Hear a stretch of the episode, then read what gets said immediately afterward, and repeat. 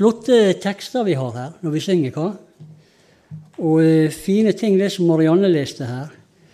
Og denne her eh, høytidsstunda, som vi må si det er, når vi er inne i nattverden, det er jo bare så fantastisk. Dette budskapet her, altså, det, det er eh, grensesprengende.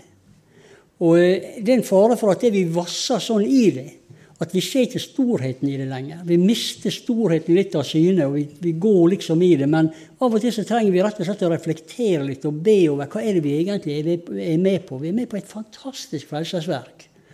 Og som Harry sa, hadde vi hørt for første gang, så hadde vi stått på stolene og ropt halleluja. Men eh, vi er jo gamle, gode pinsevenner, så vi tar det med ro. Vi kan det. Men eh, vi trenger å minnes på det, og vi trenger å holde det friskt. Og vi må aldri miste storheten av syne. Fantastisk. Og det som vi skal ha for oss i dag av Den hellige ånd og om Den hellige ånd, alt det springer jo ut fra dette her.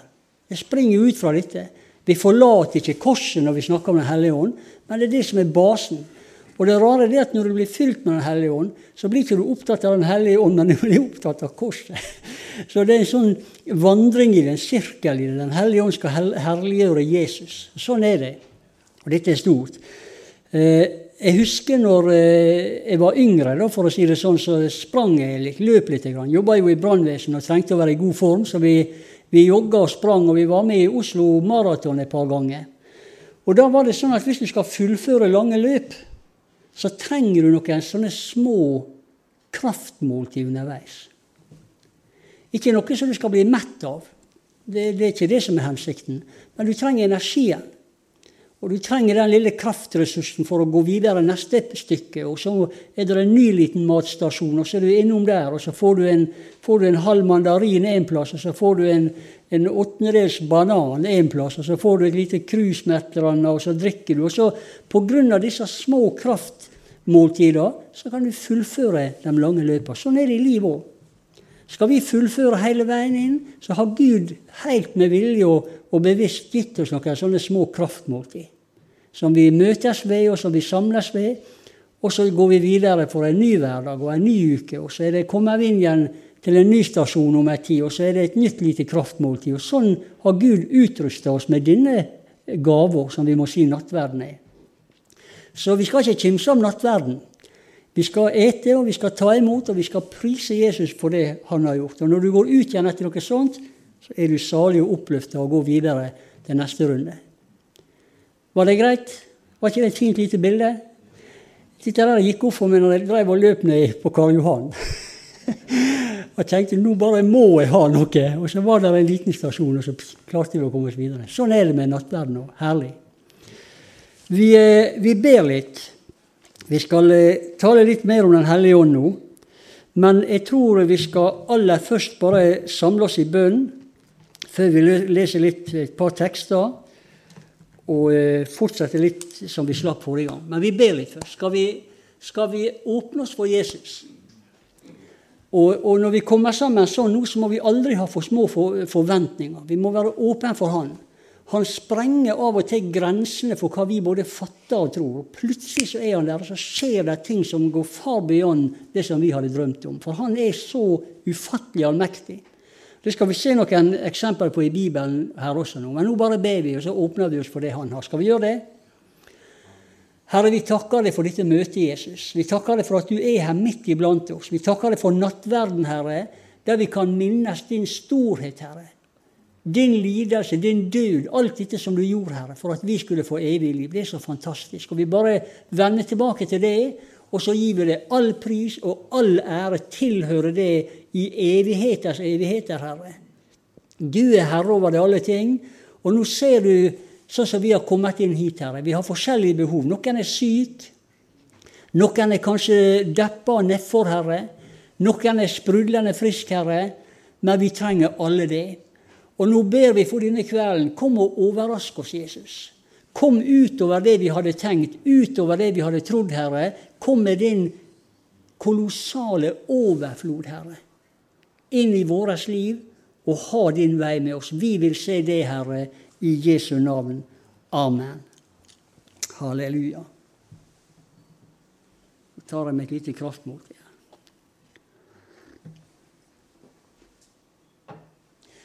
Vi skal slå opp i Salme 23. Forrige gang eh, Eller nå er jo dette fjerde gangen jeg taler om Den hellige ånd her nå i sommer. Og De to første gangene så talte vi om nådegavene, gikk gjennom nådegavene. Og vi la hendene på hverandre, og vi søkte Gud, sånn som Bibelen sier, søk med iver etter de åndelige gavene.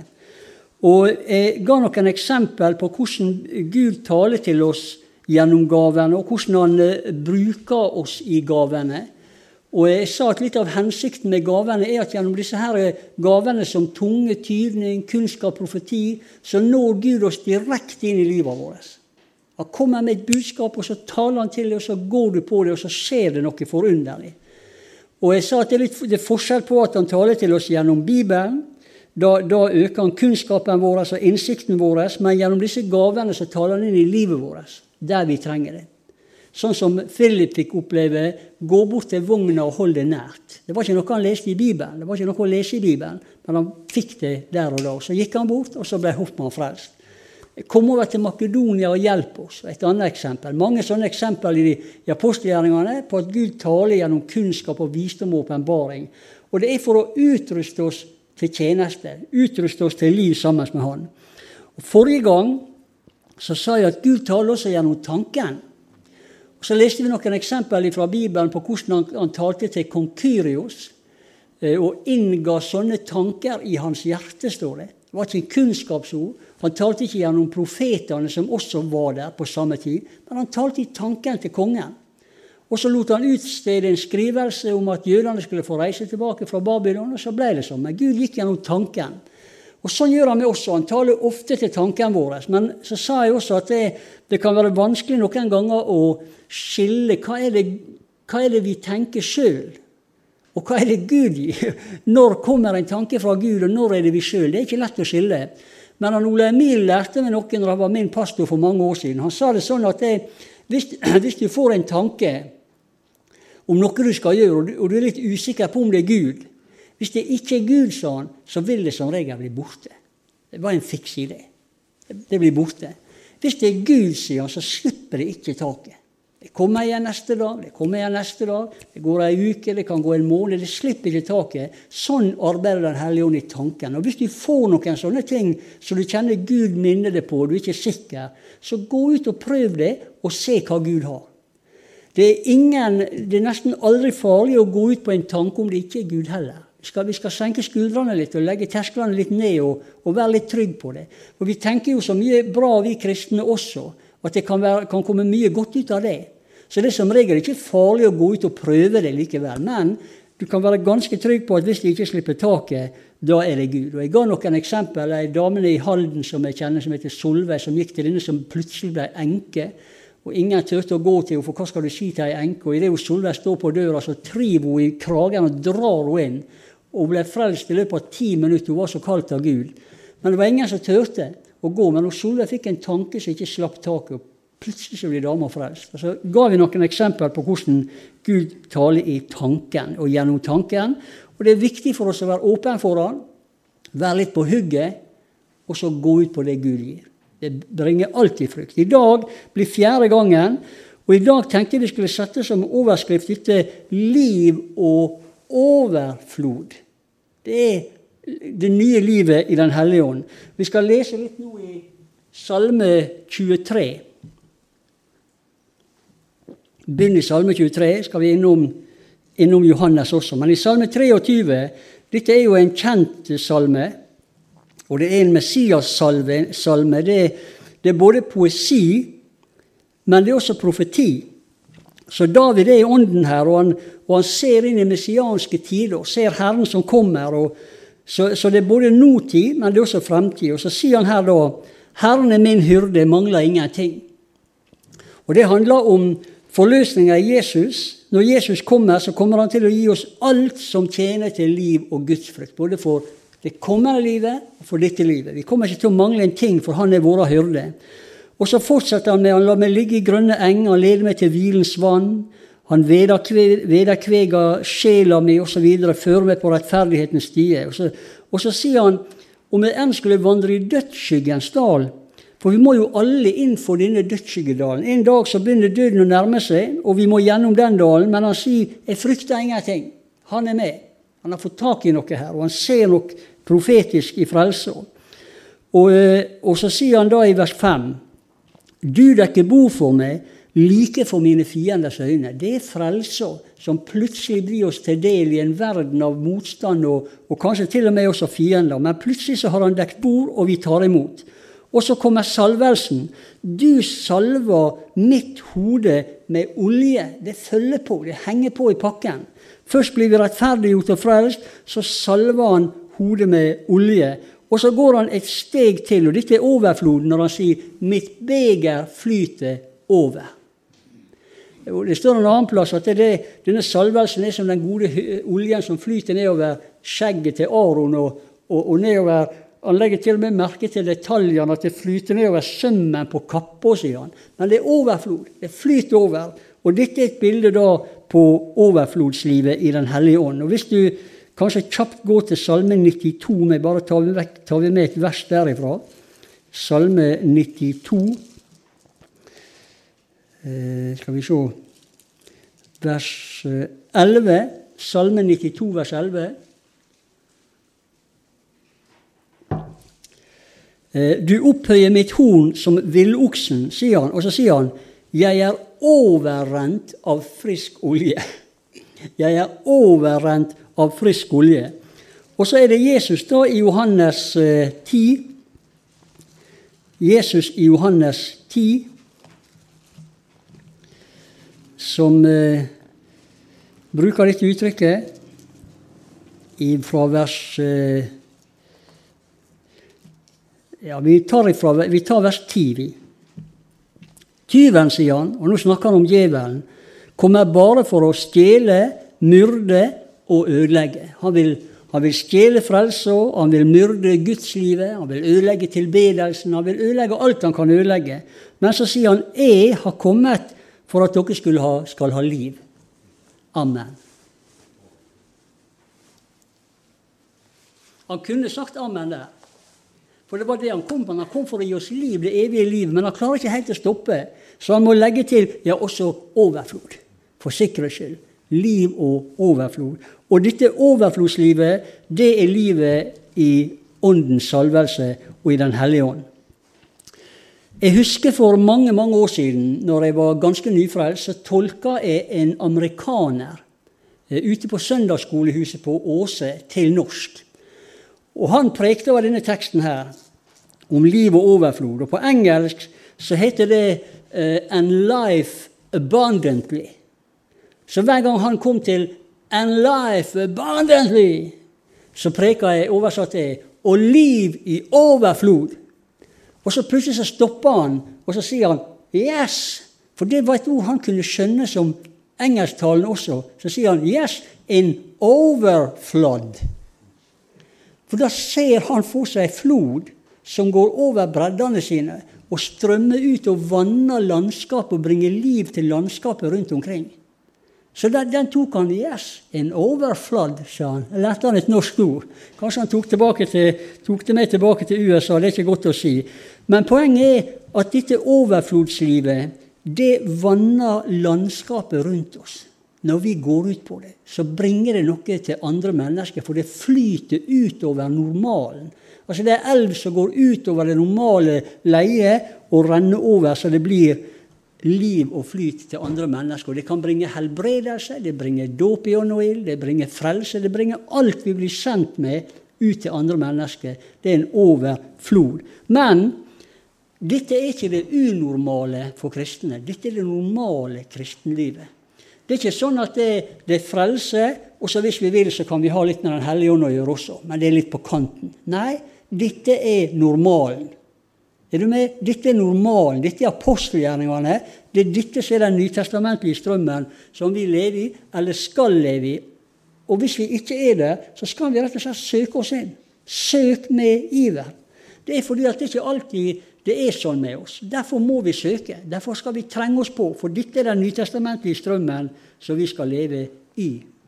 Jeg har litt tørr luft i kveld. Er det bare noe Det kan ikke være forsamlinger, iallfall. Kjenner, hva med preken? Kjente det var godt med vann, iallfall. Hør. Påske og pinse er to kjempeviktige høytider.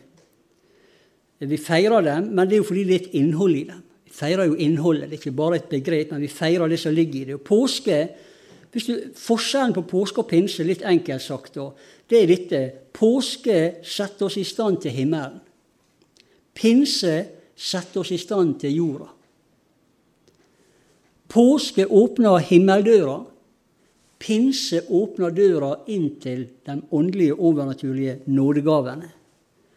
Påske handler først og fremst om livet etter døden. Pinse handler først og fremst om livet før døden. Det er kraftutrustning til dette livet på denne sida av dødsskyggens dal. Jeg nevnte her på, tidligere i sommer at det, når Jesus sender ut disiplene, så sier han Se, jeg sender dere som får blant ulver. Det er jo en helt håpløs situasjon. Aldeles nytteløst. Vi, vi, så jo det i sommer, her, denne ulven som herja på Hedmarken, eller hvor det var, hvor det så ut etter han. Så hvis, hvis, det er det som er poenget, at vi sendes totalt hjelpeløse ut i kanten, da, kampen, da er vi ferdig. Men det som jeg tror Jesus eller sier noe om her, det er dette her. Hvis vi skal overleve i denne verden, så må vi ha en kraft av en annen verden.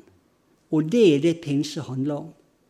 Og vi skal ikke bare overleve i denne verden, vi skal overvinne ulvene. Vi skal vinne ulver for himmelen. Og da må vi søke å bli fylt av Den hellige ånd. Det er åndens kraft som gjør alt dette her eh, mulig.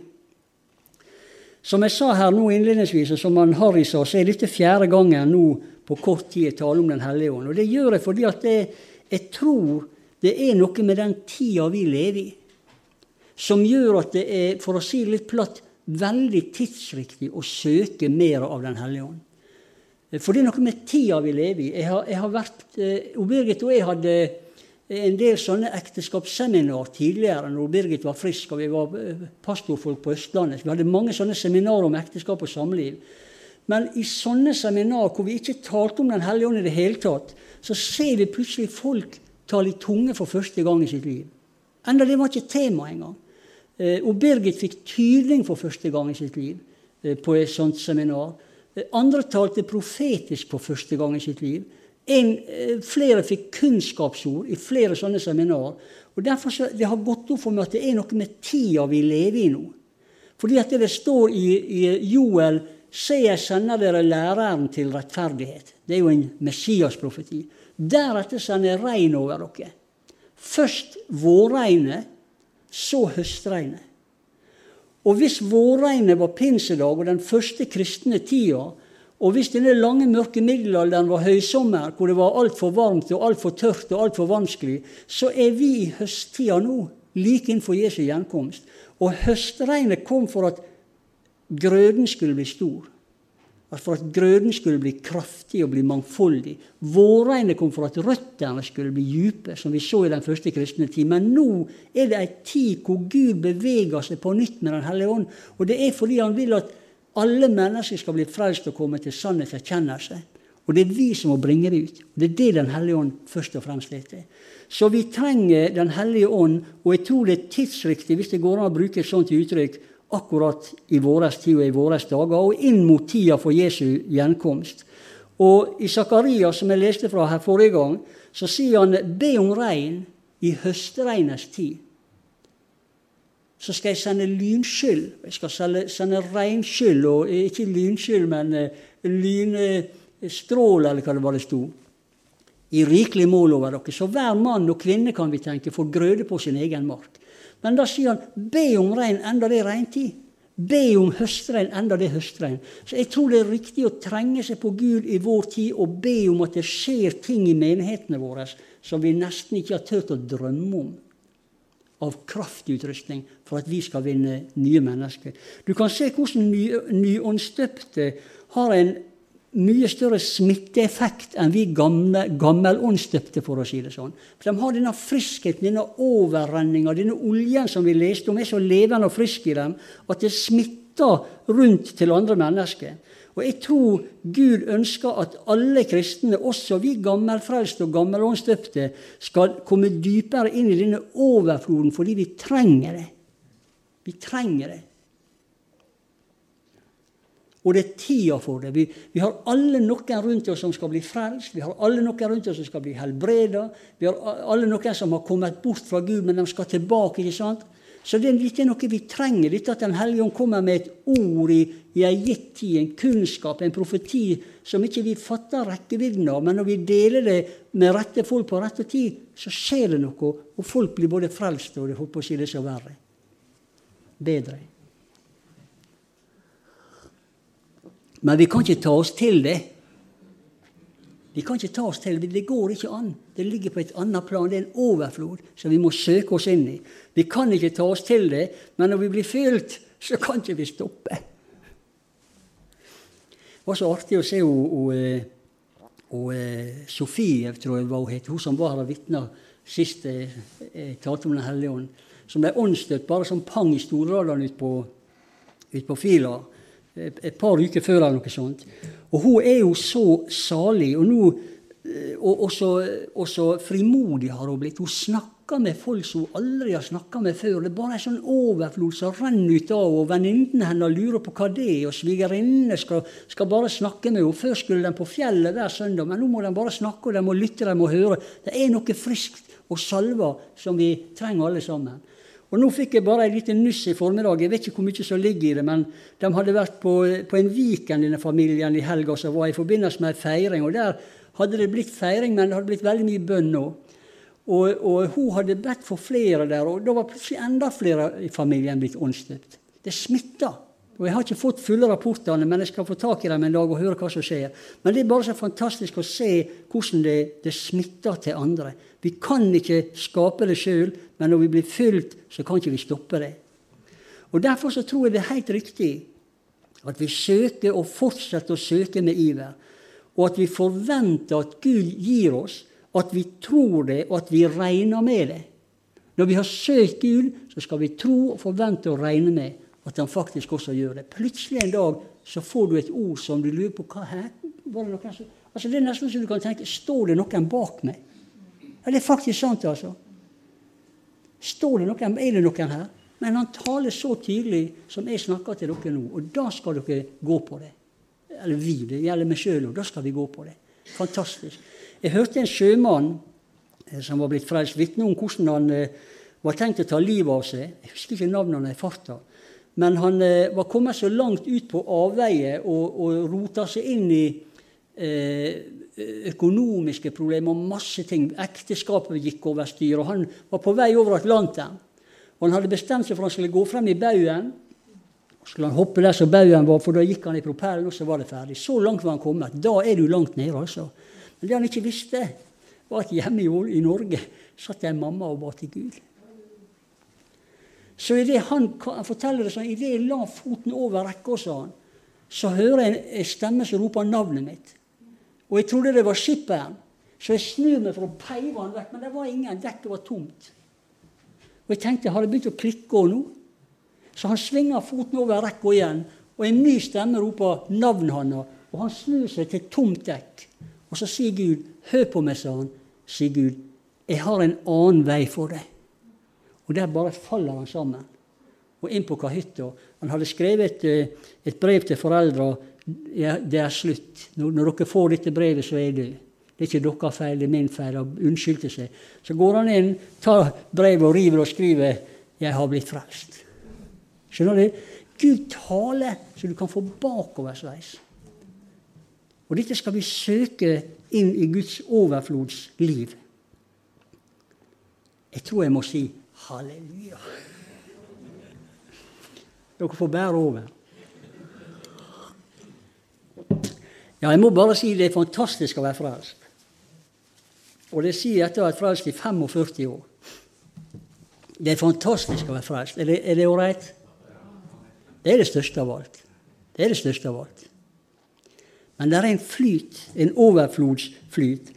Og jeg har lyst til et lite øyeblikk nå å gå inn i Bibelen i et par av den gammeltestamentlige bilder. Du vet at det, Vi sier av og til at Det gamle testamentet er Guds billedbok. Det er det også. Det er mye, mye mer enn det. Men det er også Guds billedbok. Og det er noen viktige bilder i Det gamle testamentet som det er helt tydelig at Gud vil vi skal trenge inn i for å få lære noe om evangeliet, eller om Ånden, eller om Jesus. Han har gitt oss det for at vi skal forstå noe mer. Og det at vi forstår mer, styrker troa. Og det at troa blir styrka, gjør at vi tør å søke mer, osv. Så, videre. så det er en god sirkel å bli kjent med disse bildene i Det gamle testamentet. Og Vi har jo flere av dem i, i Det nye testamentet som er helt åpenbare. For eksempel, så sier Paulus for vårt påskelam er jo slakta Kristus. Altså studer påskelammet, og du lærer noe om Kristus. ikke sant? Og så sier han eh, at de ble alle døpt til Moses i havet og i skyen. Så studer hva som skjedde i havet og i skyen, så forstår du mer av dåpen osv. Så, videre. så det er noen sånne fantastiske bilder. Men det er et, et bilde i Josva. Hvis du har Bibelen med, så heng med til Josva 3 et lite øyeblikk. Josvas bok, kapittel 3. Jeg husker jo hvordan Olai Haugen talte her for mange år siden om, om lammet og disse her gammeltestamentlige bilder som aldri har sluppet tak i oss. Og En gang så kom han her og talte om lammet. Det var det mest fantastiske jeg har hørt. Så kom han igjen året etterpå, og heldigvis så hadde han glemt at han talte om det, så han talte samme talen en gang til. Fantastisk. Og vi fikk det enda bedre spikra. Det var den gode, gamle Olai Haugen. Han hadde et lys over disse tingene som han smitta oss med. Og vi studerte og vi leste. Men, men vi kjenner jo beretninga fra utfrielsen av Egypten, som vi ser på som et bilde, fra, bilde, på det å gå ut av det gamle livet, hvor de var bundet i, i synd og slaveri og lenke og ting de ikke kom ut av sjøl. Men så slakta de lammet, og så ble blodet strøket på dørstolpene. Og så måtte farao slippe. Han, hadde, mista totalt makta over dem pga. lammet sitt blod som ble slakta og, og, og rent utover dørstolpene. Og så gikk de gjennom blodbestengte dører og ut i friheten. Men så satte egypterne etter dem med, med sin verste krigshær, og det var fryktelige greier. Det var sterke ting den gangen. Og skulle fange dem tilbake. Men da sørga Gud for dåpen. Så ble de døpt til Moses i havet og i skyen. Og så så vi hvordan de gikk ned i vannet, opp igjen på andre sida. Og når det gamle livet, den gamle verden og alt dette som ville dra dem tilbake, gikk i vannet, så lukter Gud igjen. Og så ble det værende igjen i vannet, mens de gikk videre til et nytt liv. Så lærte vi noe om dåpen. Og eh, så gikk de ut i ørkenvandringa først. Og det var kaldt og varmt, og det var skyting og klaging, og det var et slitsomt og strevsomt liv. Men Gud hadde et mål om å føre dem inn i et annet land som flaut av melk og honning. Og Ofte så bruker vi det som et bilde på himmelen, men jeg tror dypest sett så er det et bilde på det nye overflodslivet i Den hellige ånd. Fordi de, jo, de slåss jo der, og det var kamper det var kjemping. Det skal jo ikke være himmelen. Men det blir ikke mindre av det når du kommer inn i ånden, men du kommer inn i en annen kraft. Og idet de kryssa Jordan, da, som jeg tror er et bilde på Den hellige ånd Det var jo en eh, åndsdåpen, mener det var jo en tørr dåp. Her var jo ikke vann, men det var dog en dåp. Og hvis du ser i Josva 3, så står det her i vers eh, 15, f.eks. 14. Josva 3, 14. Da folket brøt opp fra sine telt for å gå over Jordan, og prestene bar paktens ark foran folket, eh, og de som bar arken, kom til Jordan, og, de prestene som bar arken, rørte med sine føtter ved den ytterste eh, randen, eller bredden av vannet. Og så hør på dette. Men Jordan gikk over alle sine bredder hele høsttida gjennom. Står det? overflod. Behøver ikke rope halleluja, bare sitte i ro. Det går helt fint. Overflod, står det. Dette er et fantastisk bilde. Og, og, og når de gikk ut i vannet, så stansa vannet som rant ovenifra og sto som en vegg langt oppe ved byen Adam, som ligger like ved Sartan. Og det, Jeg har funnet disse byene på gamle kart, og det er ca. en mil oppi dalen. Der sto vannet som en vegg. Så de gikk tørr over en, en dåp nummer to. De hadde først gått gjennom vannet fra Egypt, og nå gikk de gjennom Jordan og inn i det nye livet. Men det var en tørr dåp. Eh, altså Det var uten vann, men det er et bilde på åndens dåp. Og det første som skjer Nå, nå snur hele tilværelsen på et blunk. Det første som skjer, det er at høvdingen over himmelens hær slutter seg til dem. Plutselig var de ikke uten kraft.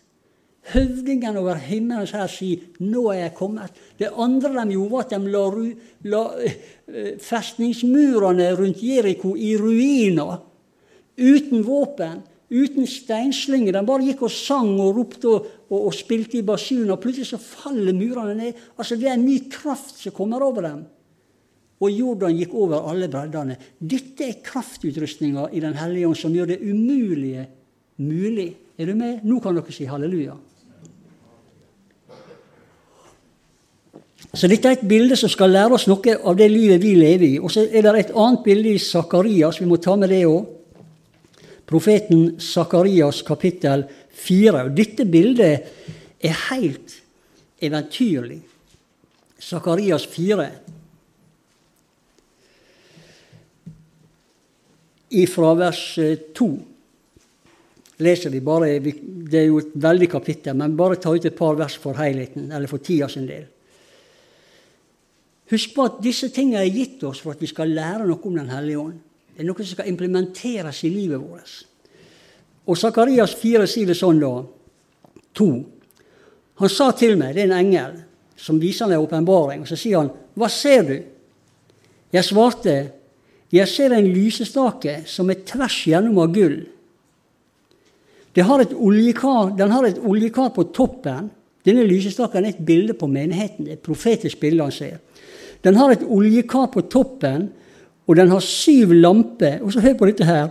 Og det er syv rør for hver lampe. Det er jo helt sykt. Det er altfor mye. Jeg har sett en tegning av denne lysestaken en gang. Det er en ring. Lysestaken er en ring, og så er det syv lamper som brenner nede på ringen. Og så er det et kar på toppen med olje i, og så er det ett rør til hver lampe vanligvis. Og det er mer enn nok. Men sju rør er altfor mye. Så, så, når han tegner denne lysestaken for profeten, så er det rett og slett en fantasilysestake. Den er altfor alt for full av rør. Men hvis denne lysestaken hadde fungert, så ville oljen fossa ned gjennom syv rør til hver lampe, og så ville det tatt fyr, og så ville det spredt seg og bredt seg ut fra hver eneste lampe, og det ville tatt fyr over alt hvor oljen rant. Skjønner du? Det er overflod. Det er liv i overflod. Dette er den nytestamentlige strømmen som vi lever i. Her er jo vann, men det er ikke fylt. Og jo mer jeg drikker, jo mindre blir jeg. Men det gir seg sjøl at hvis vi hadde fylt på mer og mer, og mer, og mer, så hadde det fossa over. Og det er livet. Da er det vann i overflod.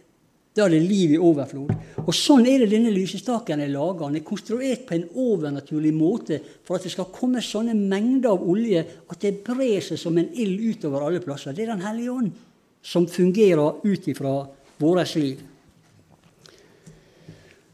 Dette lærer oss noe om Guds overflodshjerte. Det er sånn Guds hjerte er for oss. Han vil liv, og han vil overflod, og han tilveiebringer. Men Bibelen sier vi skal søke oss inn, vi skal trenge oss på. Vi skal be om de åndelige gavene, og vi skal søke Åndens kraft og fylde i livet vårt, så disse tingene kan komme mer ut av i vårt liv også. Helt til slutt. Hva er det som er årsaken til at Gud kan fylle oss med Den hellige ånd på denne måten. her. Det er det vi har feira her i dag, som er årsaken. Derfor så henger dette sammen. Hvis vi setter fokus bare på Den hellige ånd, så mister vi hovedsaken av syne. Det kan ikke vi gjøre. Som pastor, når jeg var pastor, så prekte jeg av og til om Den hellige ånd. Men etter en tid så var jeg innom evangeliet. Hele tida. Inn i evangeliet. Og legge ut evangeliet igjen og igjen. Og så preker vi om profetiene kanskje noen søndager. Men hele tida tilbake til evangeliet. For hvis vi ikke holder evangeliet i fokus, og det Jesus har gjort for oss, da kan vi bli så kunnskapsrike vi vil, men vi sporer ut til slutt. Så vi må hele tida inn i fokus, og, og, vi må gjenta det vi kan og vet. Det er, det, det sunne menigheten når vi gjentar det vi kan og vet. Jeg vil minne dere om det, sier Peter, så lenge jeg er i denne hytta. Enda dere vet jo er grunnfesta i sannheten. Så dette må vi hele tida basere alt vi gjør på. Og Vi skal ta med et par skriftord til her nå. og Det ene er i Salme 129. Og nå, vi, nå blir vi tatt inn i Jesus' sin lidelse, som på en måte åpner disse dørene her. Når vi setter fokus på Jesus, så åpner det seg nye dører for oss. Alltid. Det var, det var en eh, afrikaner som sa for mange år siden Det har jeg aldri glemt. Han var, var nyfrelst. Så sier han Jeg så på Jesus, så fløy fredens stue inn i mitt hjerte. Og så så jeg på fredens stue, og så fløy han ut igjen. Han mista fokuset. Han begynte å bli opptatt av hva Jesus hadde gitt, og hva Jesus hadde gjort. Så mista han fokuset. Men det må vi aldri gjøre. Vi må aldri miste Jesus av syne og fokus av syne. Da beholder vi også det som han gir. Og her i Salme 129 så blir vi tatt inn i Jesus' sin lidelse, rett inn i smerten, rett inn i dette stedfortredende. Og det står i vers 3. Bare ta ut et enkelt vers her. Vi skal gå til Esaias også i, rett etterpå. Men, men 129,3. Hør på dette. Min rygg har plogmenn pløyd. Det er Jesus i Antoniaborgen. Hudstrøket med denne nihala romerske katten, hvor alle verdens sykdommer ble slått inn i hans kropp, sånn at i hans sår er det legedom. Min rygg har plogmenn pløyd, sier han.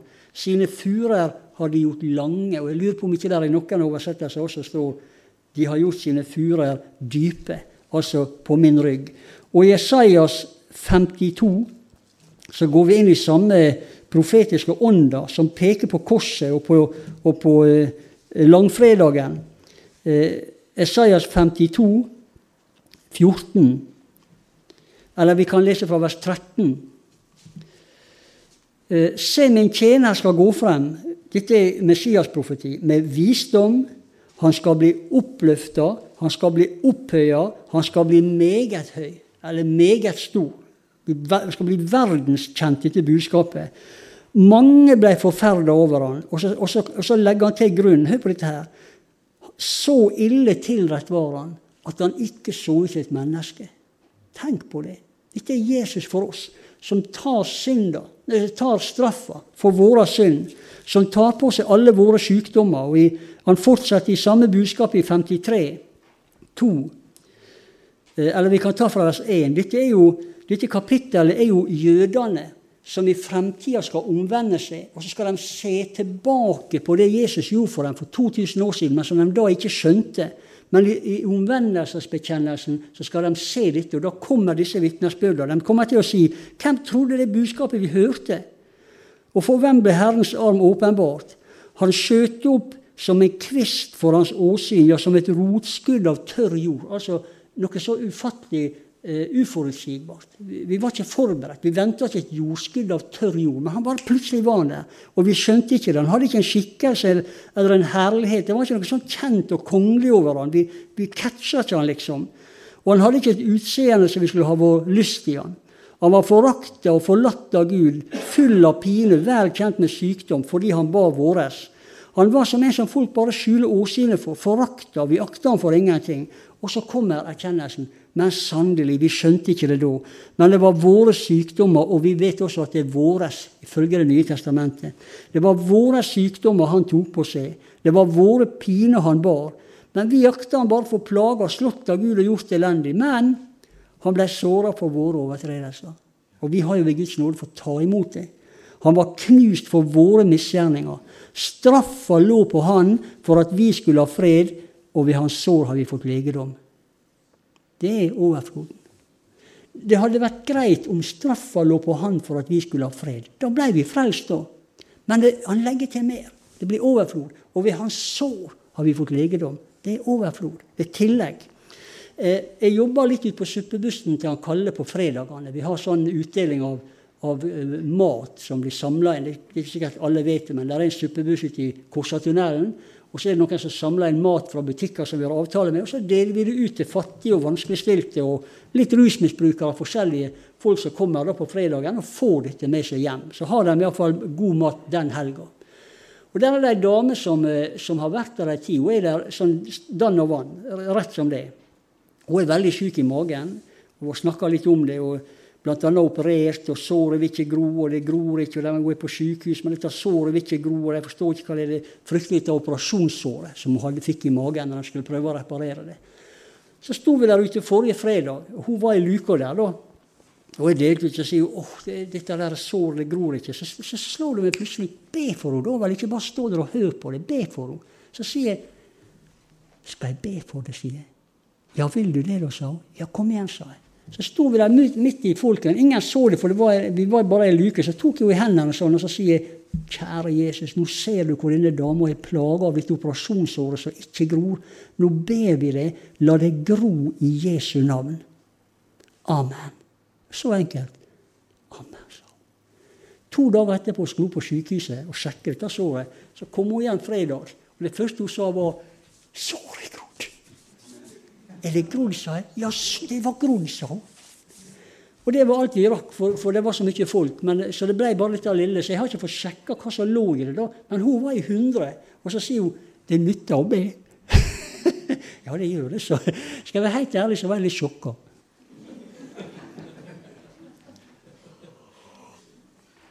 Men det lærer meg noe. Det lærer meg å legge lista høyere. Det lærer meg å tro mer. Det lærer meg at Gud sprenger rammene våre, for han har, han har et liv i overflod. Det er dette vi skal leve i. Dette er den nytestamentlige strømmen som vi skal leve i. Halleluja. Dette er normalen, tror jeg. Dette er normalen. Dette er Nye testamentet. Dette er apostelgjerningene. Dette er, det, det, det, dette er ikke det ekstreme dette er det normale. I Bibelen er det ekstremt hvis det ikke skjer noe. Det er helt sant. Det er helt normalt at det skjer. Derfor skal vi trenge oss på Han. Og det, det, er mye vi ikke forstår. Det er mye jeg ikke forstår også. Vi, vi har bedt for barnebarnet til han Arvid og Odny. jeg vet ikke hvor mange titalls mennesker har bedt for Birgit, f.eks. Vi, vi har bedt for Tone i jeg vet ikke hvor mange år. Og vi har sånne faste bønneemner ute på, ut på gruppemøter til Omassi. Bibelgruppene til Omassi, som jeg sier. Eh, og vi ber og ber. Vi, vi, ser litt, men vi ser for lite. Er du med? Vi ser for lite. Jeg, tror vi skal trenge oss på Gud fordi vi lever i denne tida der ånden er utrent over alt kjød for at høsten skal bli enda større. At flere skal få oppleve. Og jeg ville bli veldig forundra om ikke denne dama Jeg vet ikke om hun er frelst. Hun var med når jeg ba. Altså Hun lukte øynene. Men hvis hun ikke er frelst, så kommer hun garantert til å bli det også. Det er frukten av Den hellige ånd. Spennende. Veldig spennende. Så lar vi være frimodige og søke Gud. Og selv om vi har lagt hendene på hverandre noen ganger her nå i denne sommeren og Jeg vet ikke, jeg spurte ikke innledningsvis her i dag om noen har opplevd noen spesielle gaver. Men om vi ennå ikke har det, så er det, det er ikke hver måned jeg opplever sånt. Det er ikke ja, det, det er lenge mellom hver gang. Men plutselig så er han der, og jeg tror det er viktig å trenge oss på. Selv om ikke vi ser noe, og om ikke vi ser noe enda. Det er ingen grunn til å slutte å trenge seg på Gud og be om større kraft. Det er sånn at Hvis vi slutter når ikke vi ser noe, da ser vi ingenting. Og Derfor så ber vi for våre. Vi kommer til å fortsette så lenge vi lever. Og plutselig en dag, og kanskje begynner det da å spre seg, troa griper tak. Vi vet ingenting, men vi vet at Gud vil vi skal søke med iver. Amen. Amen. Da gjør vi det. Vi står opp.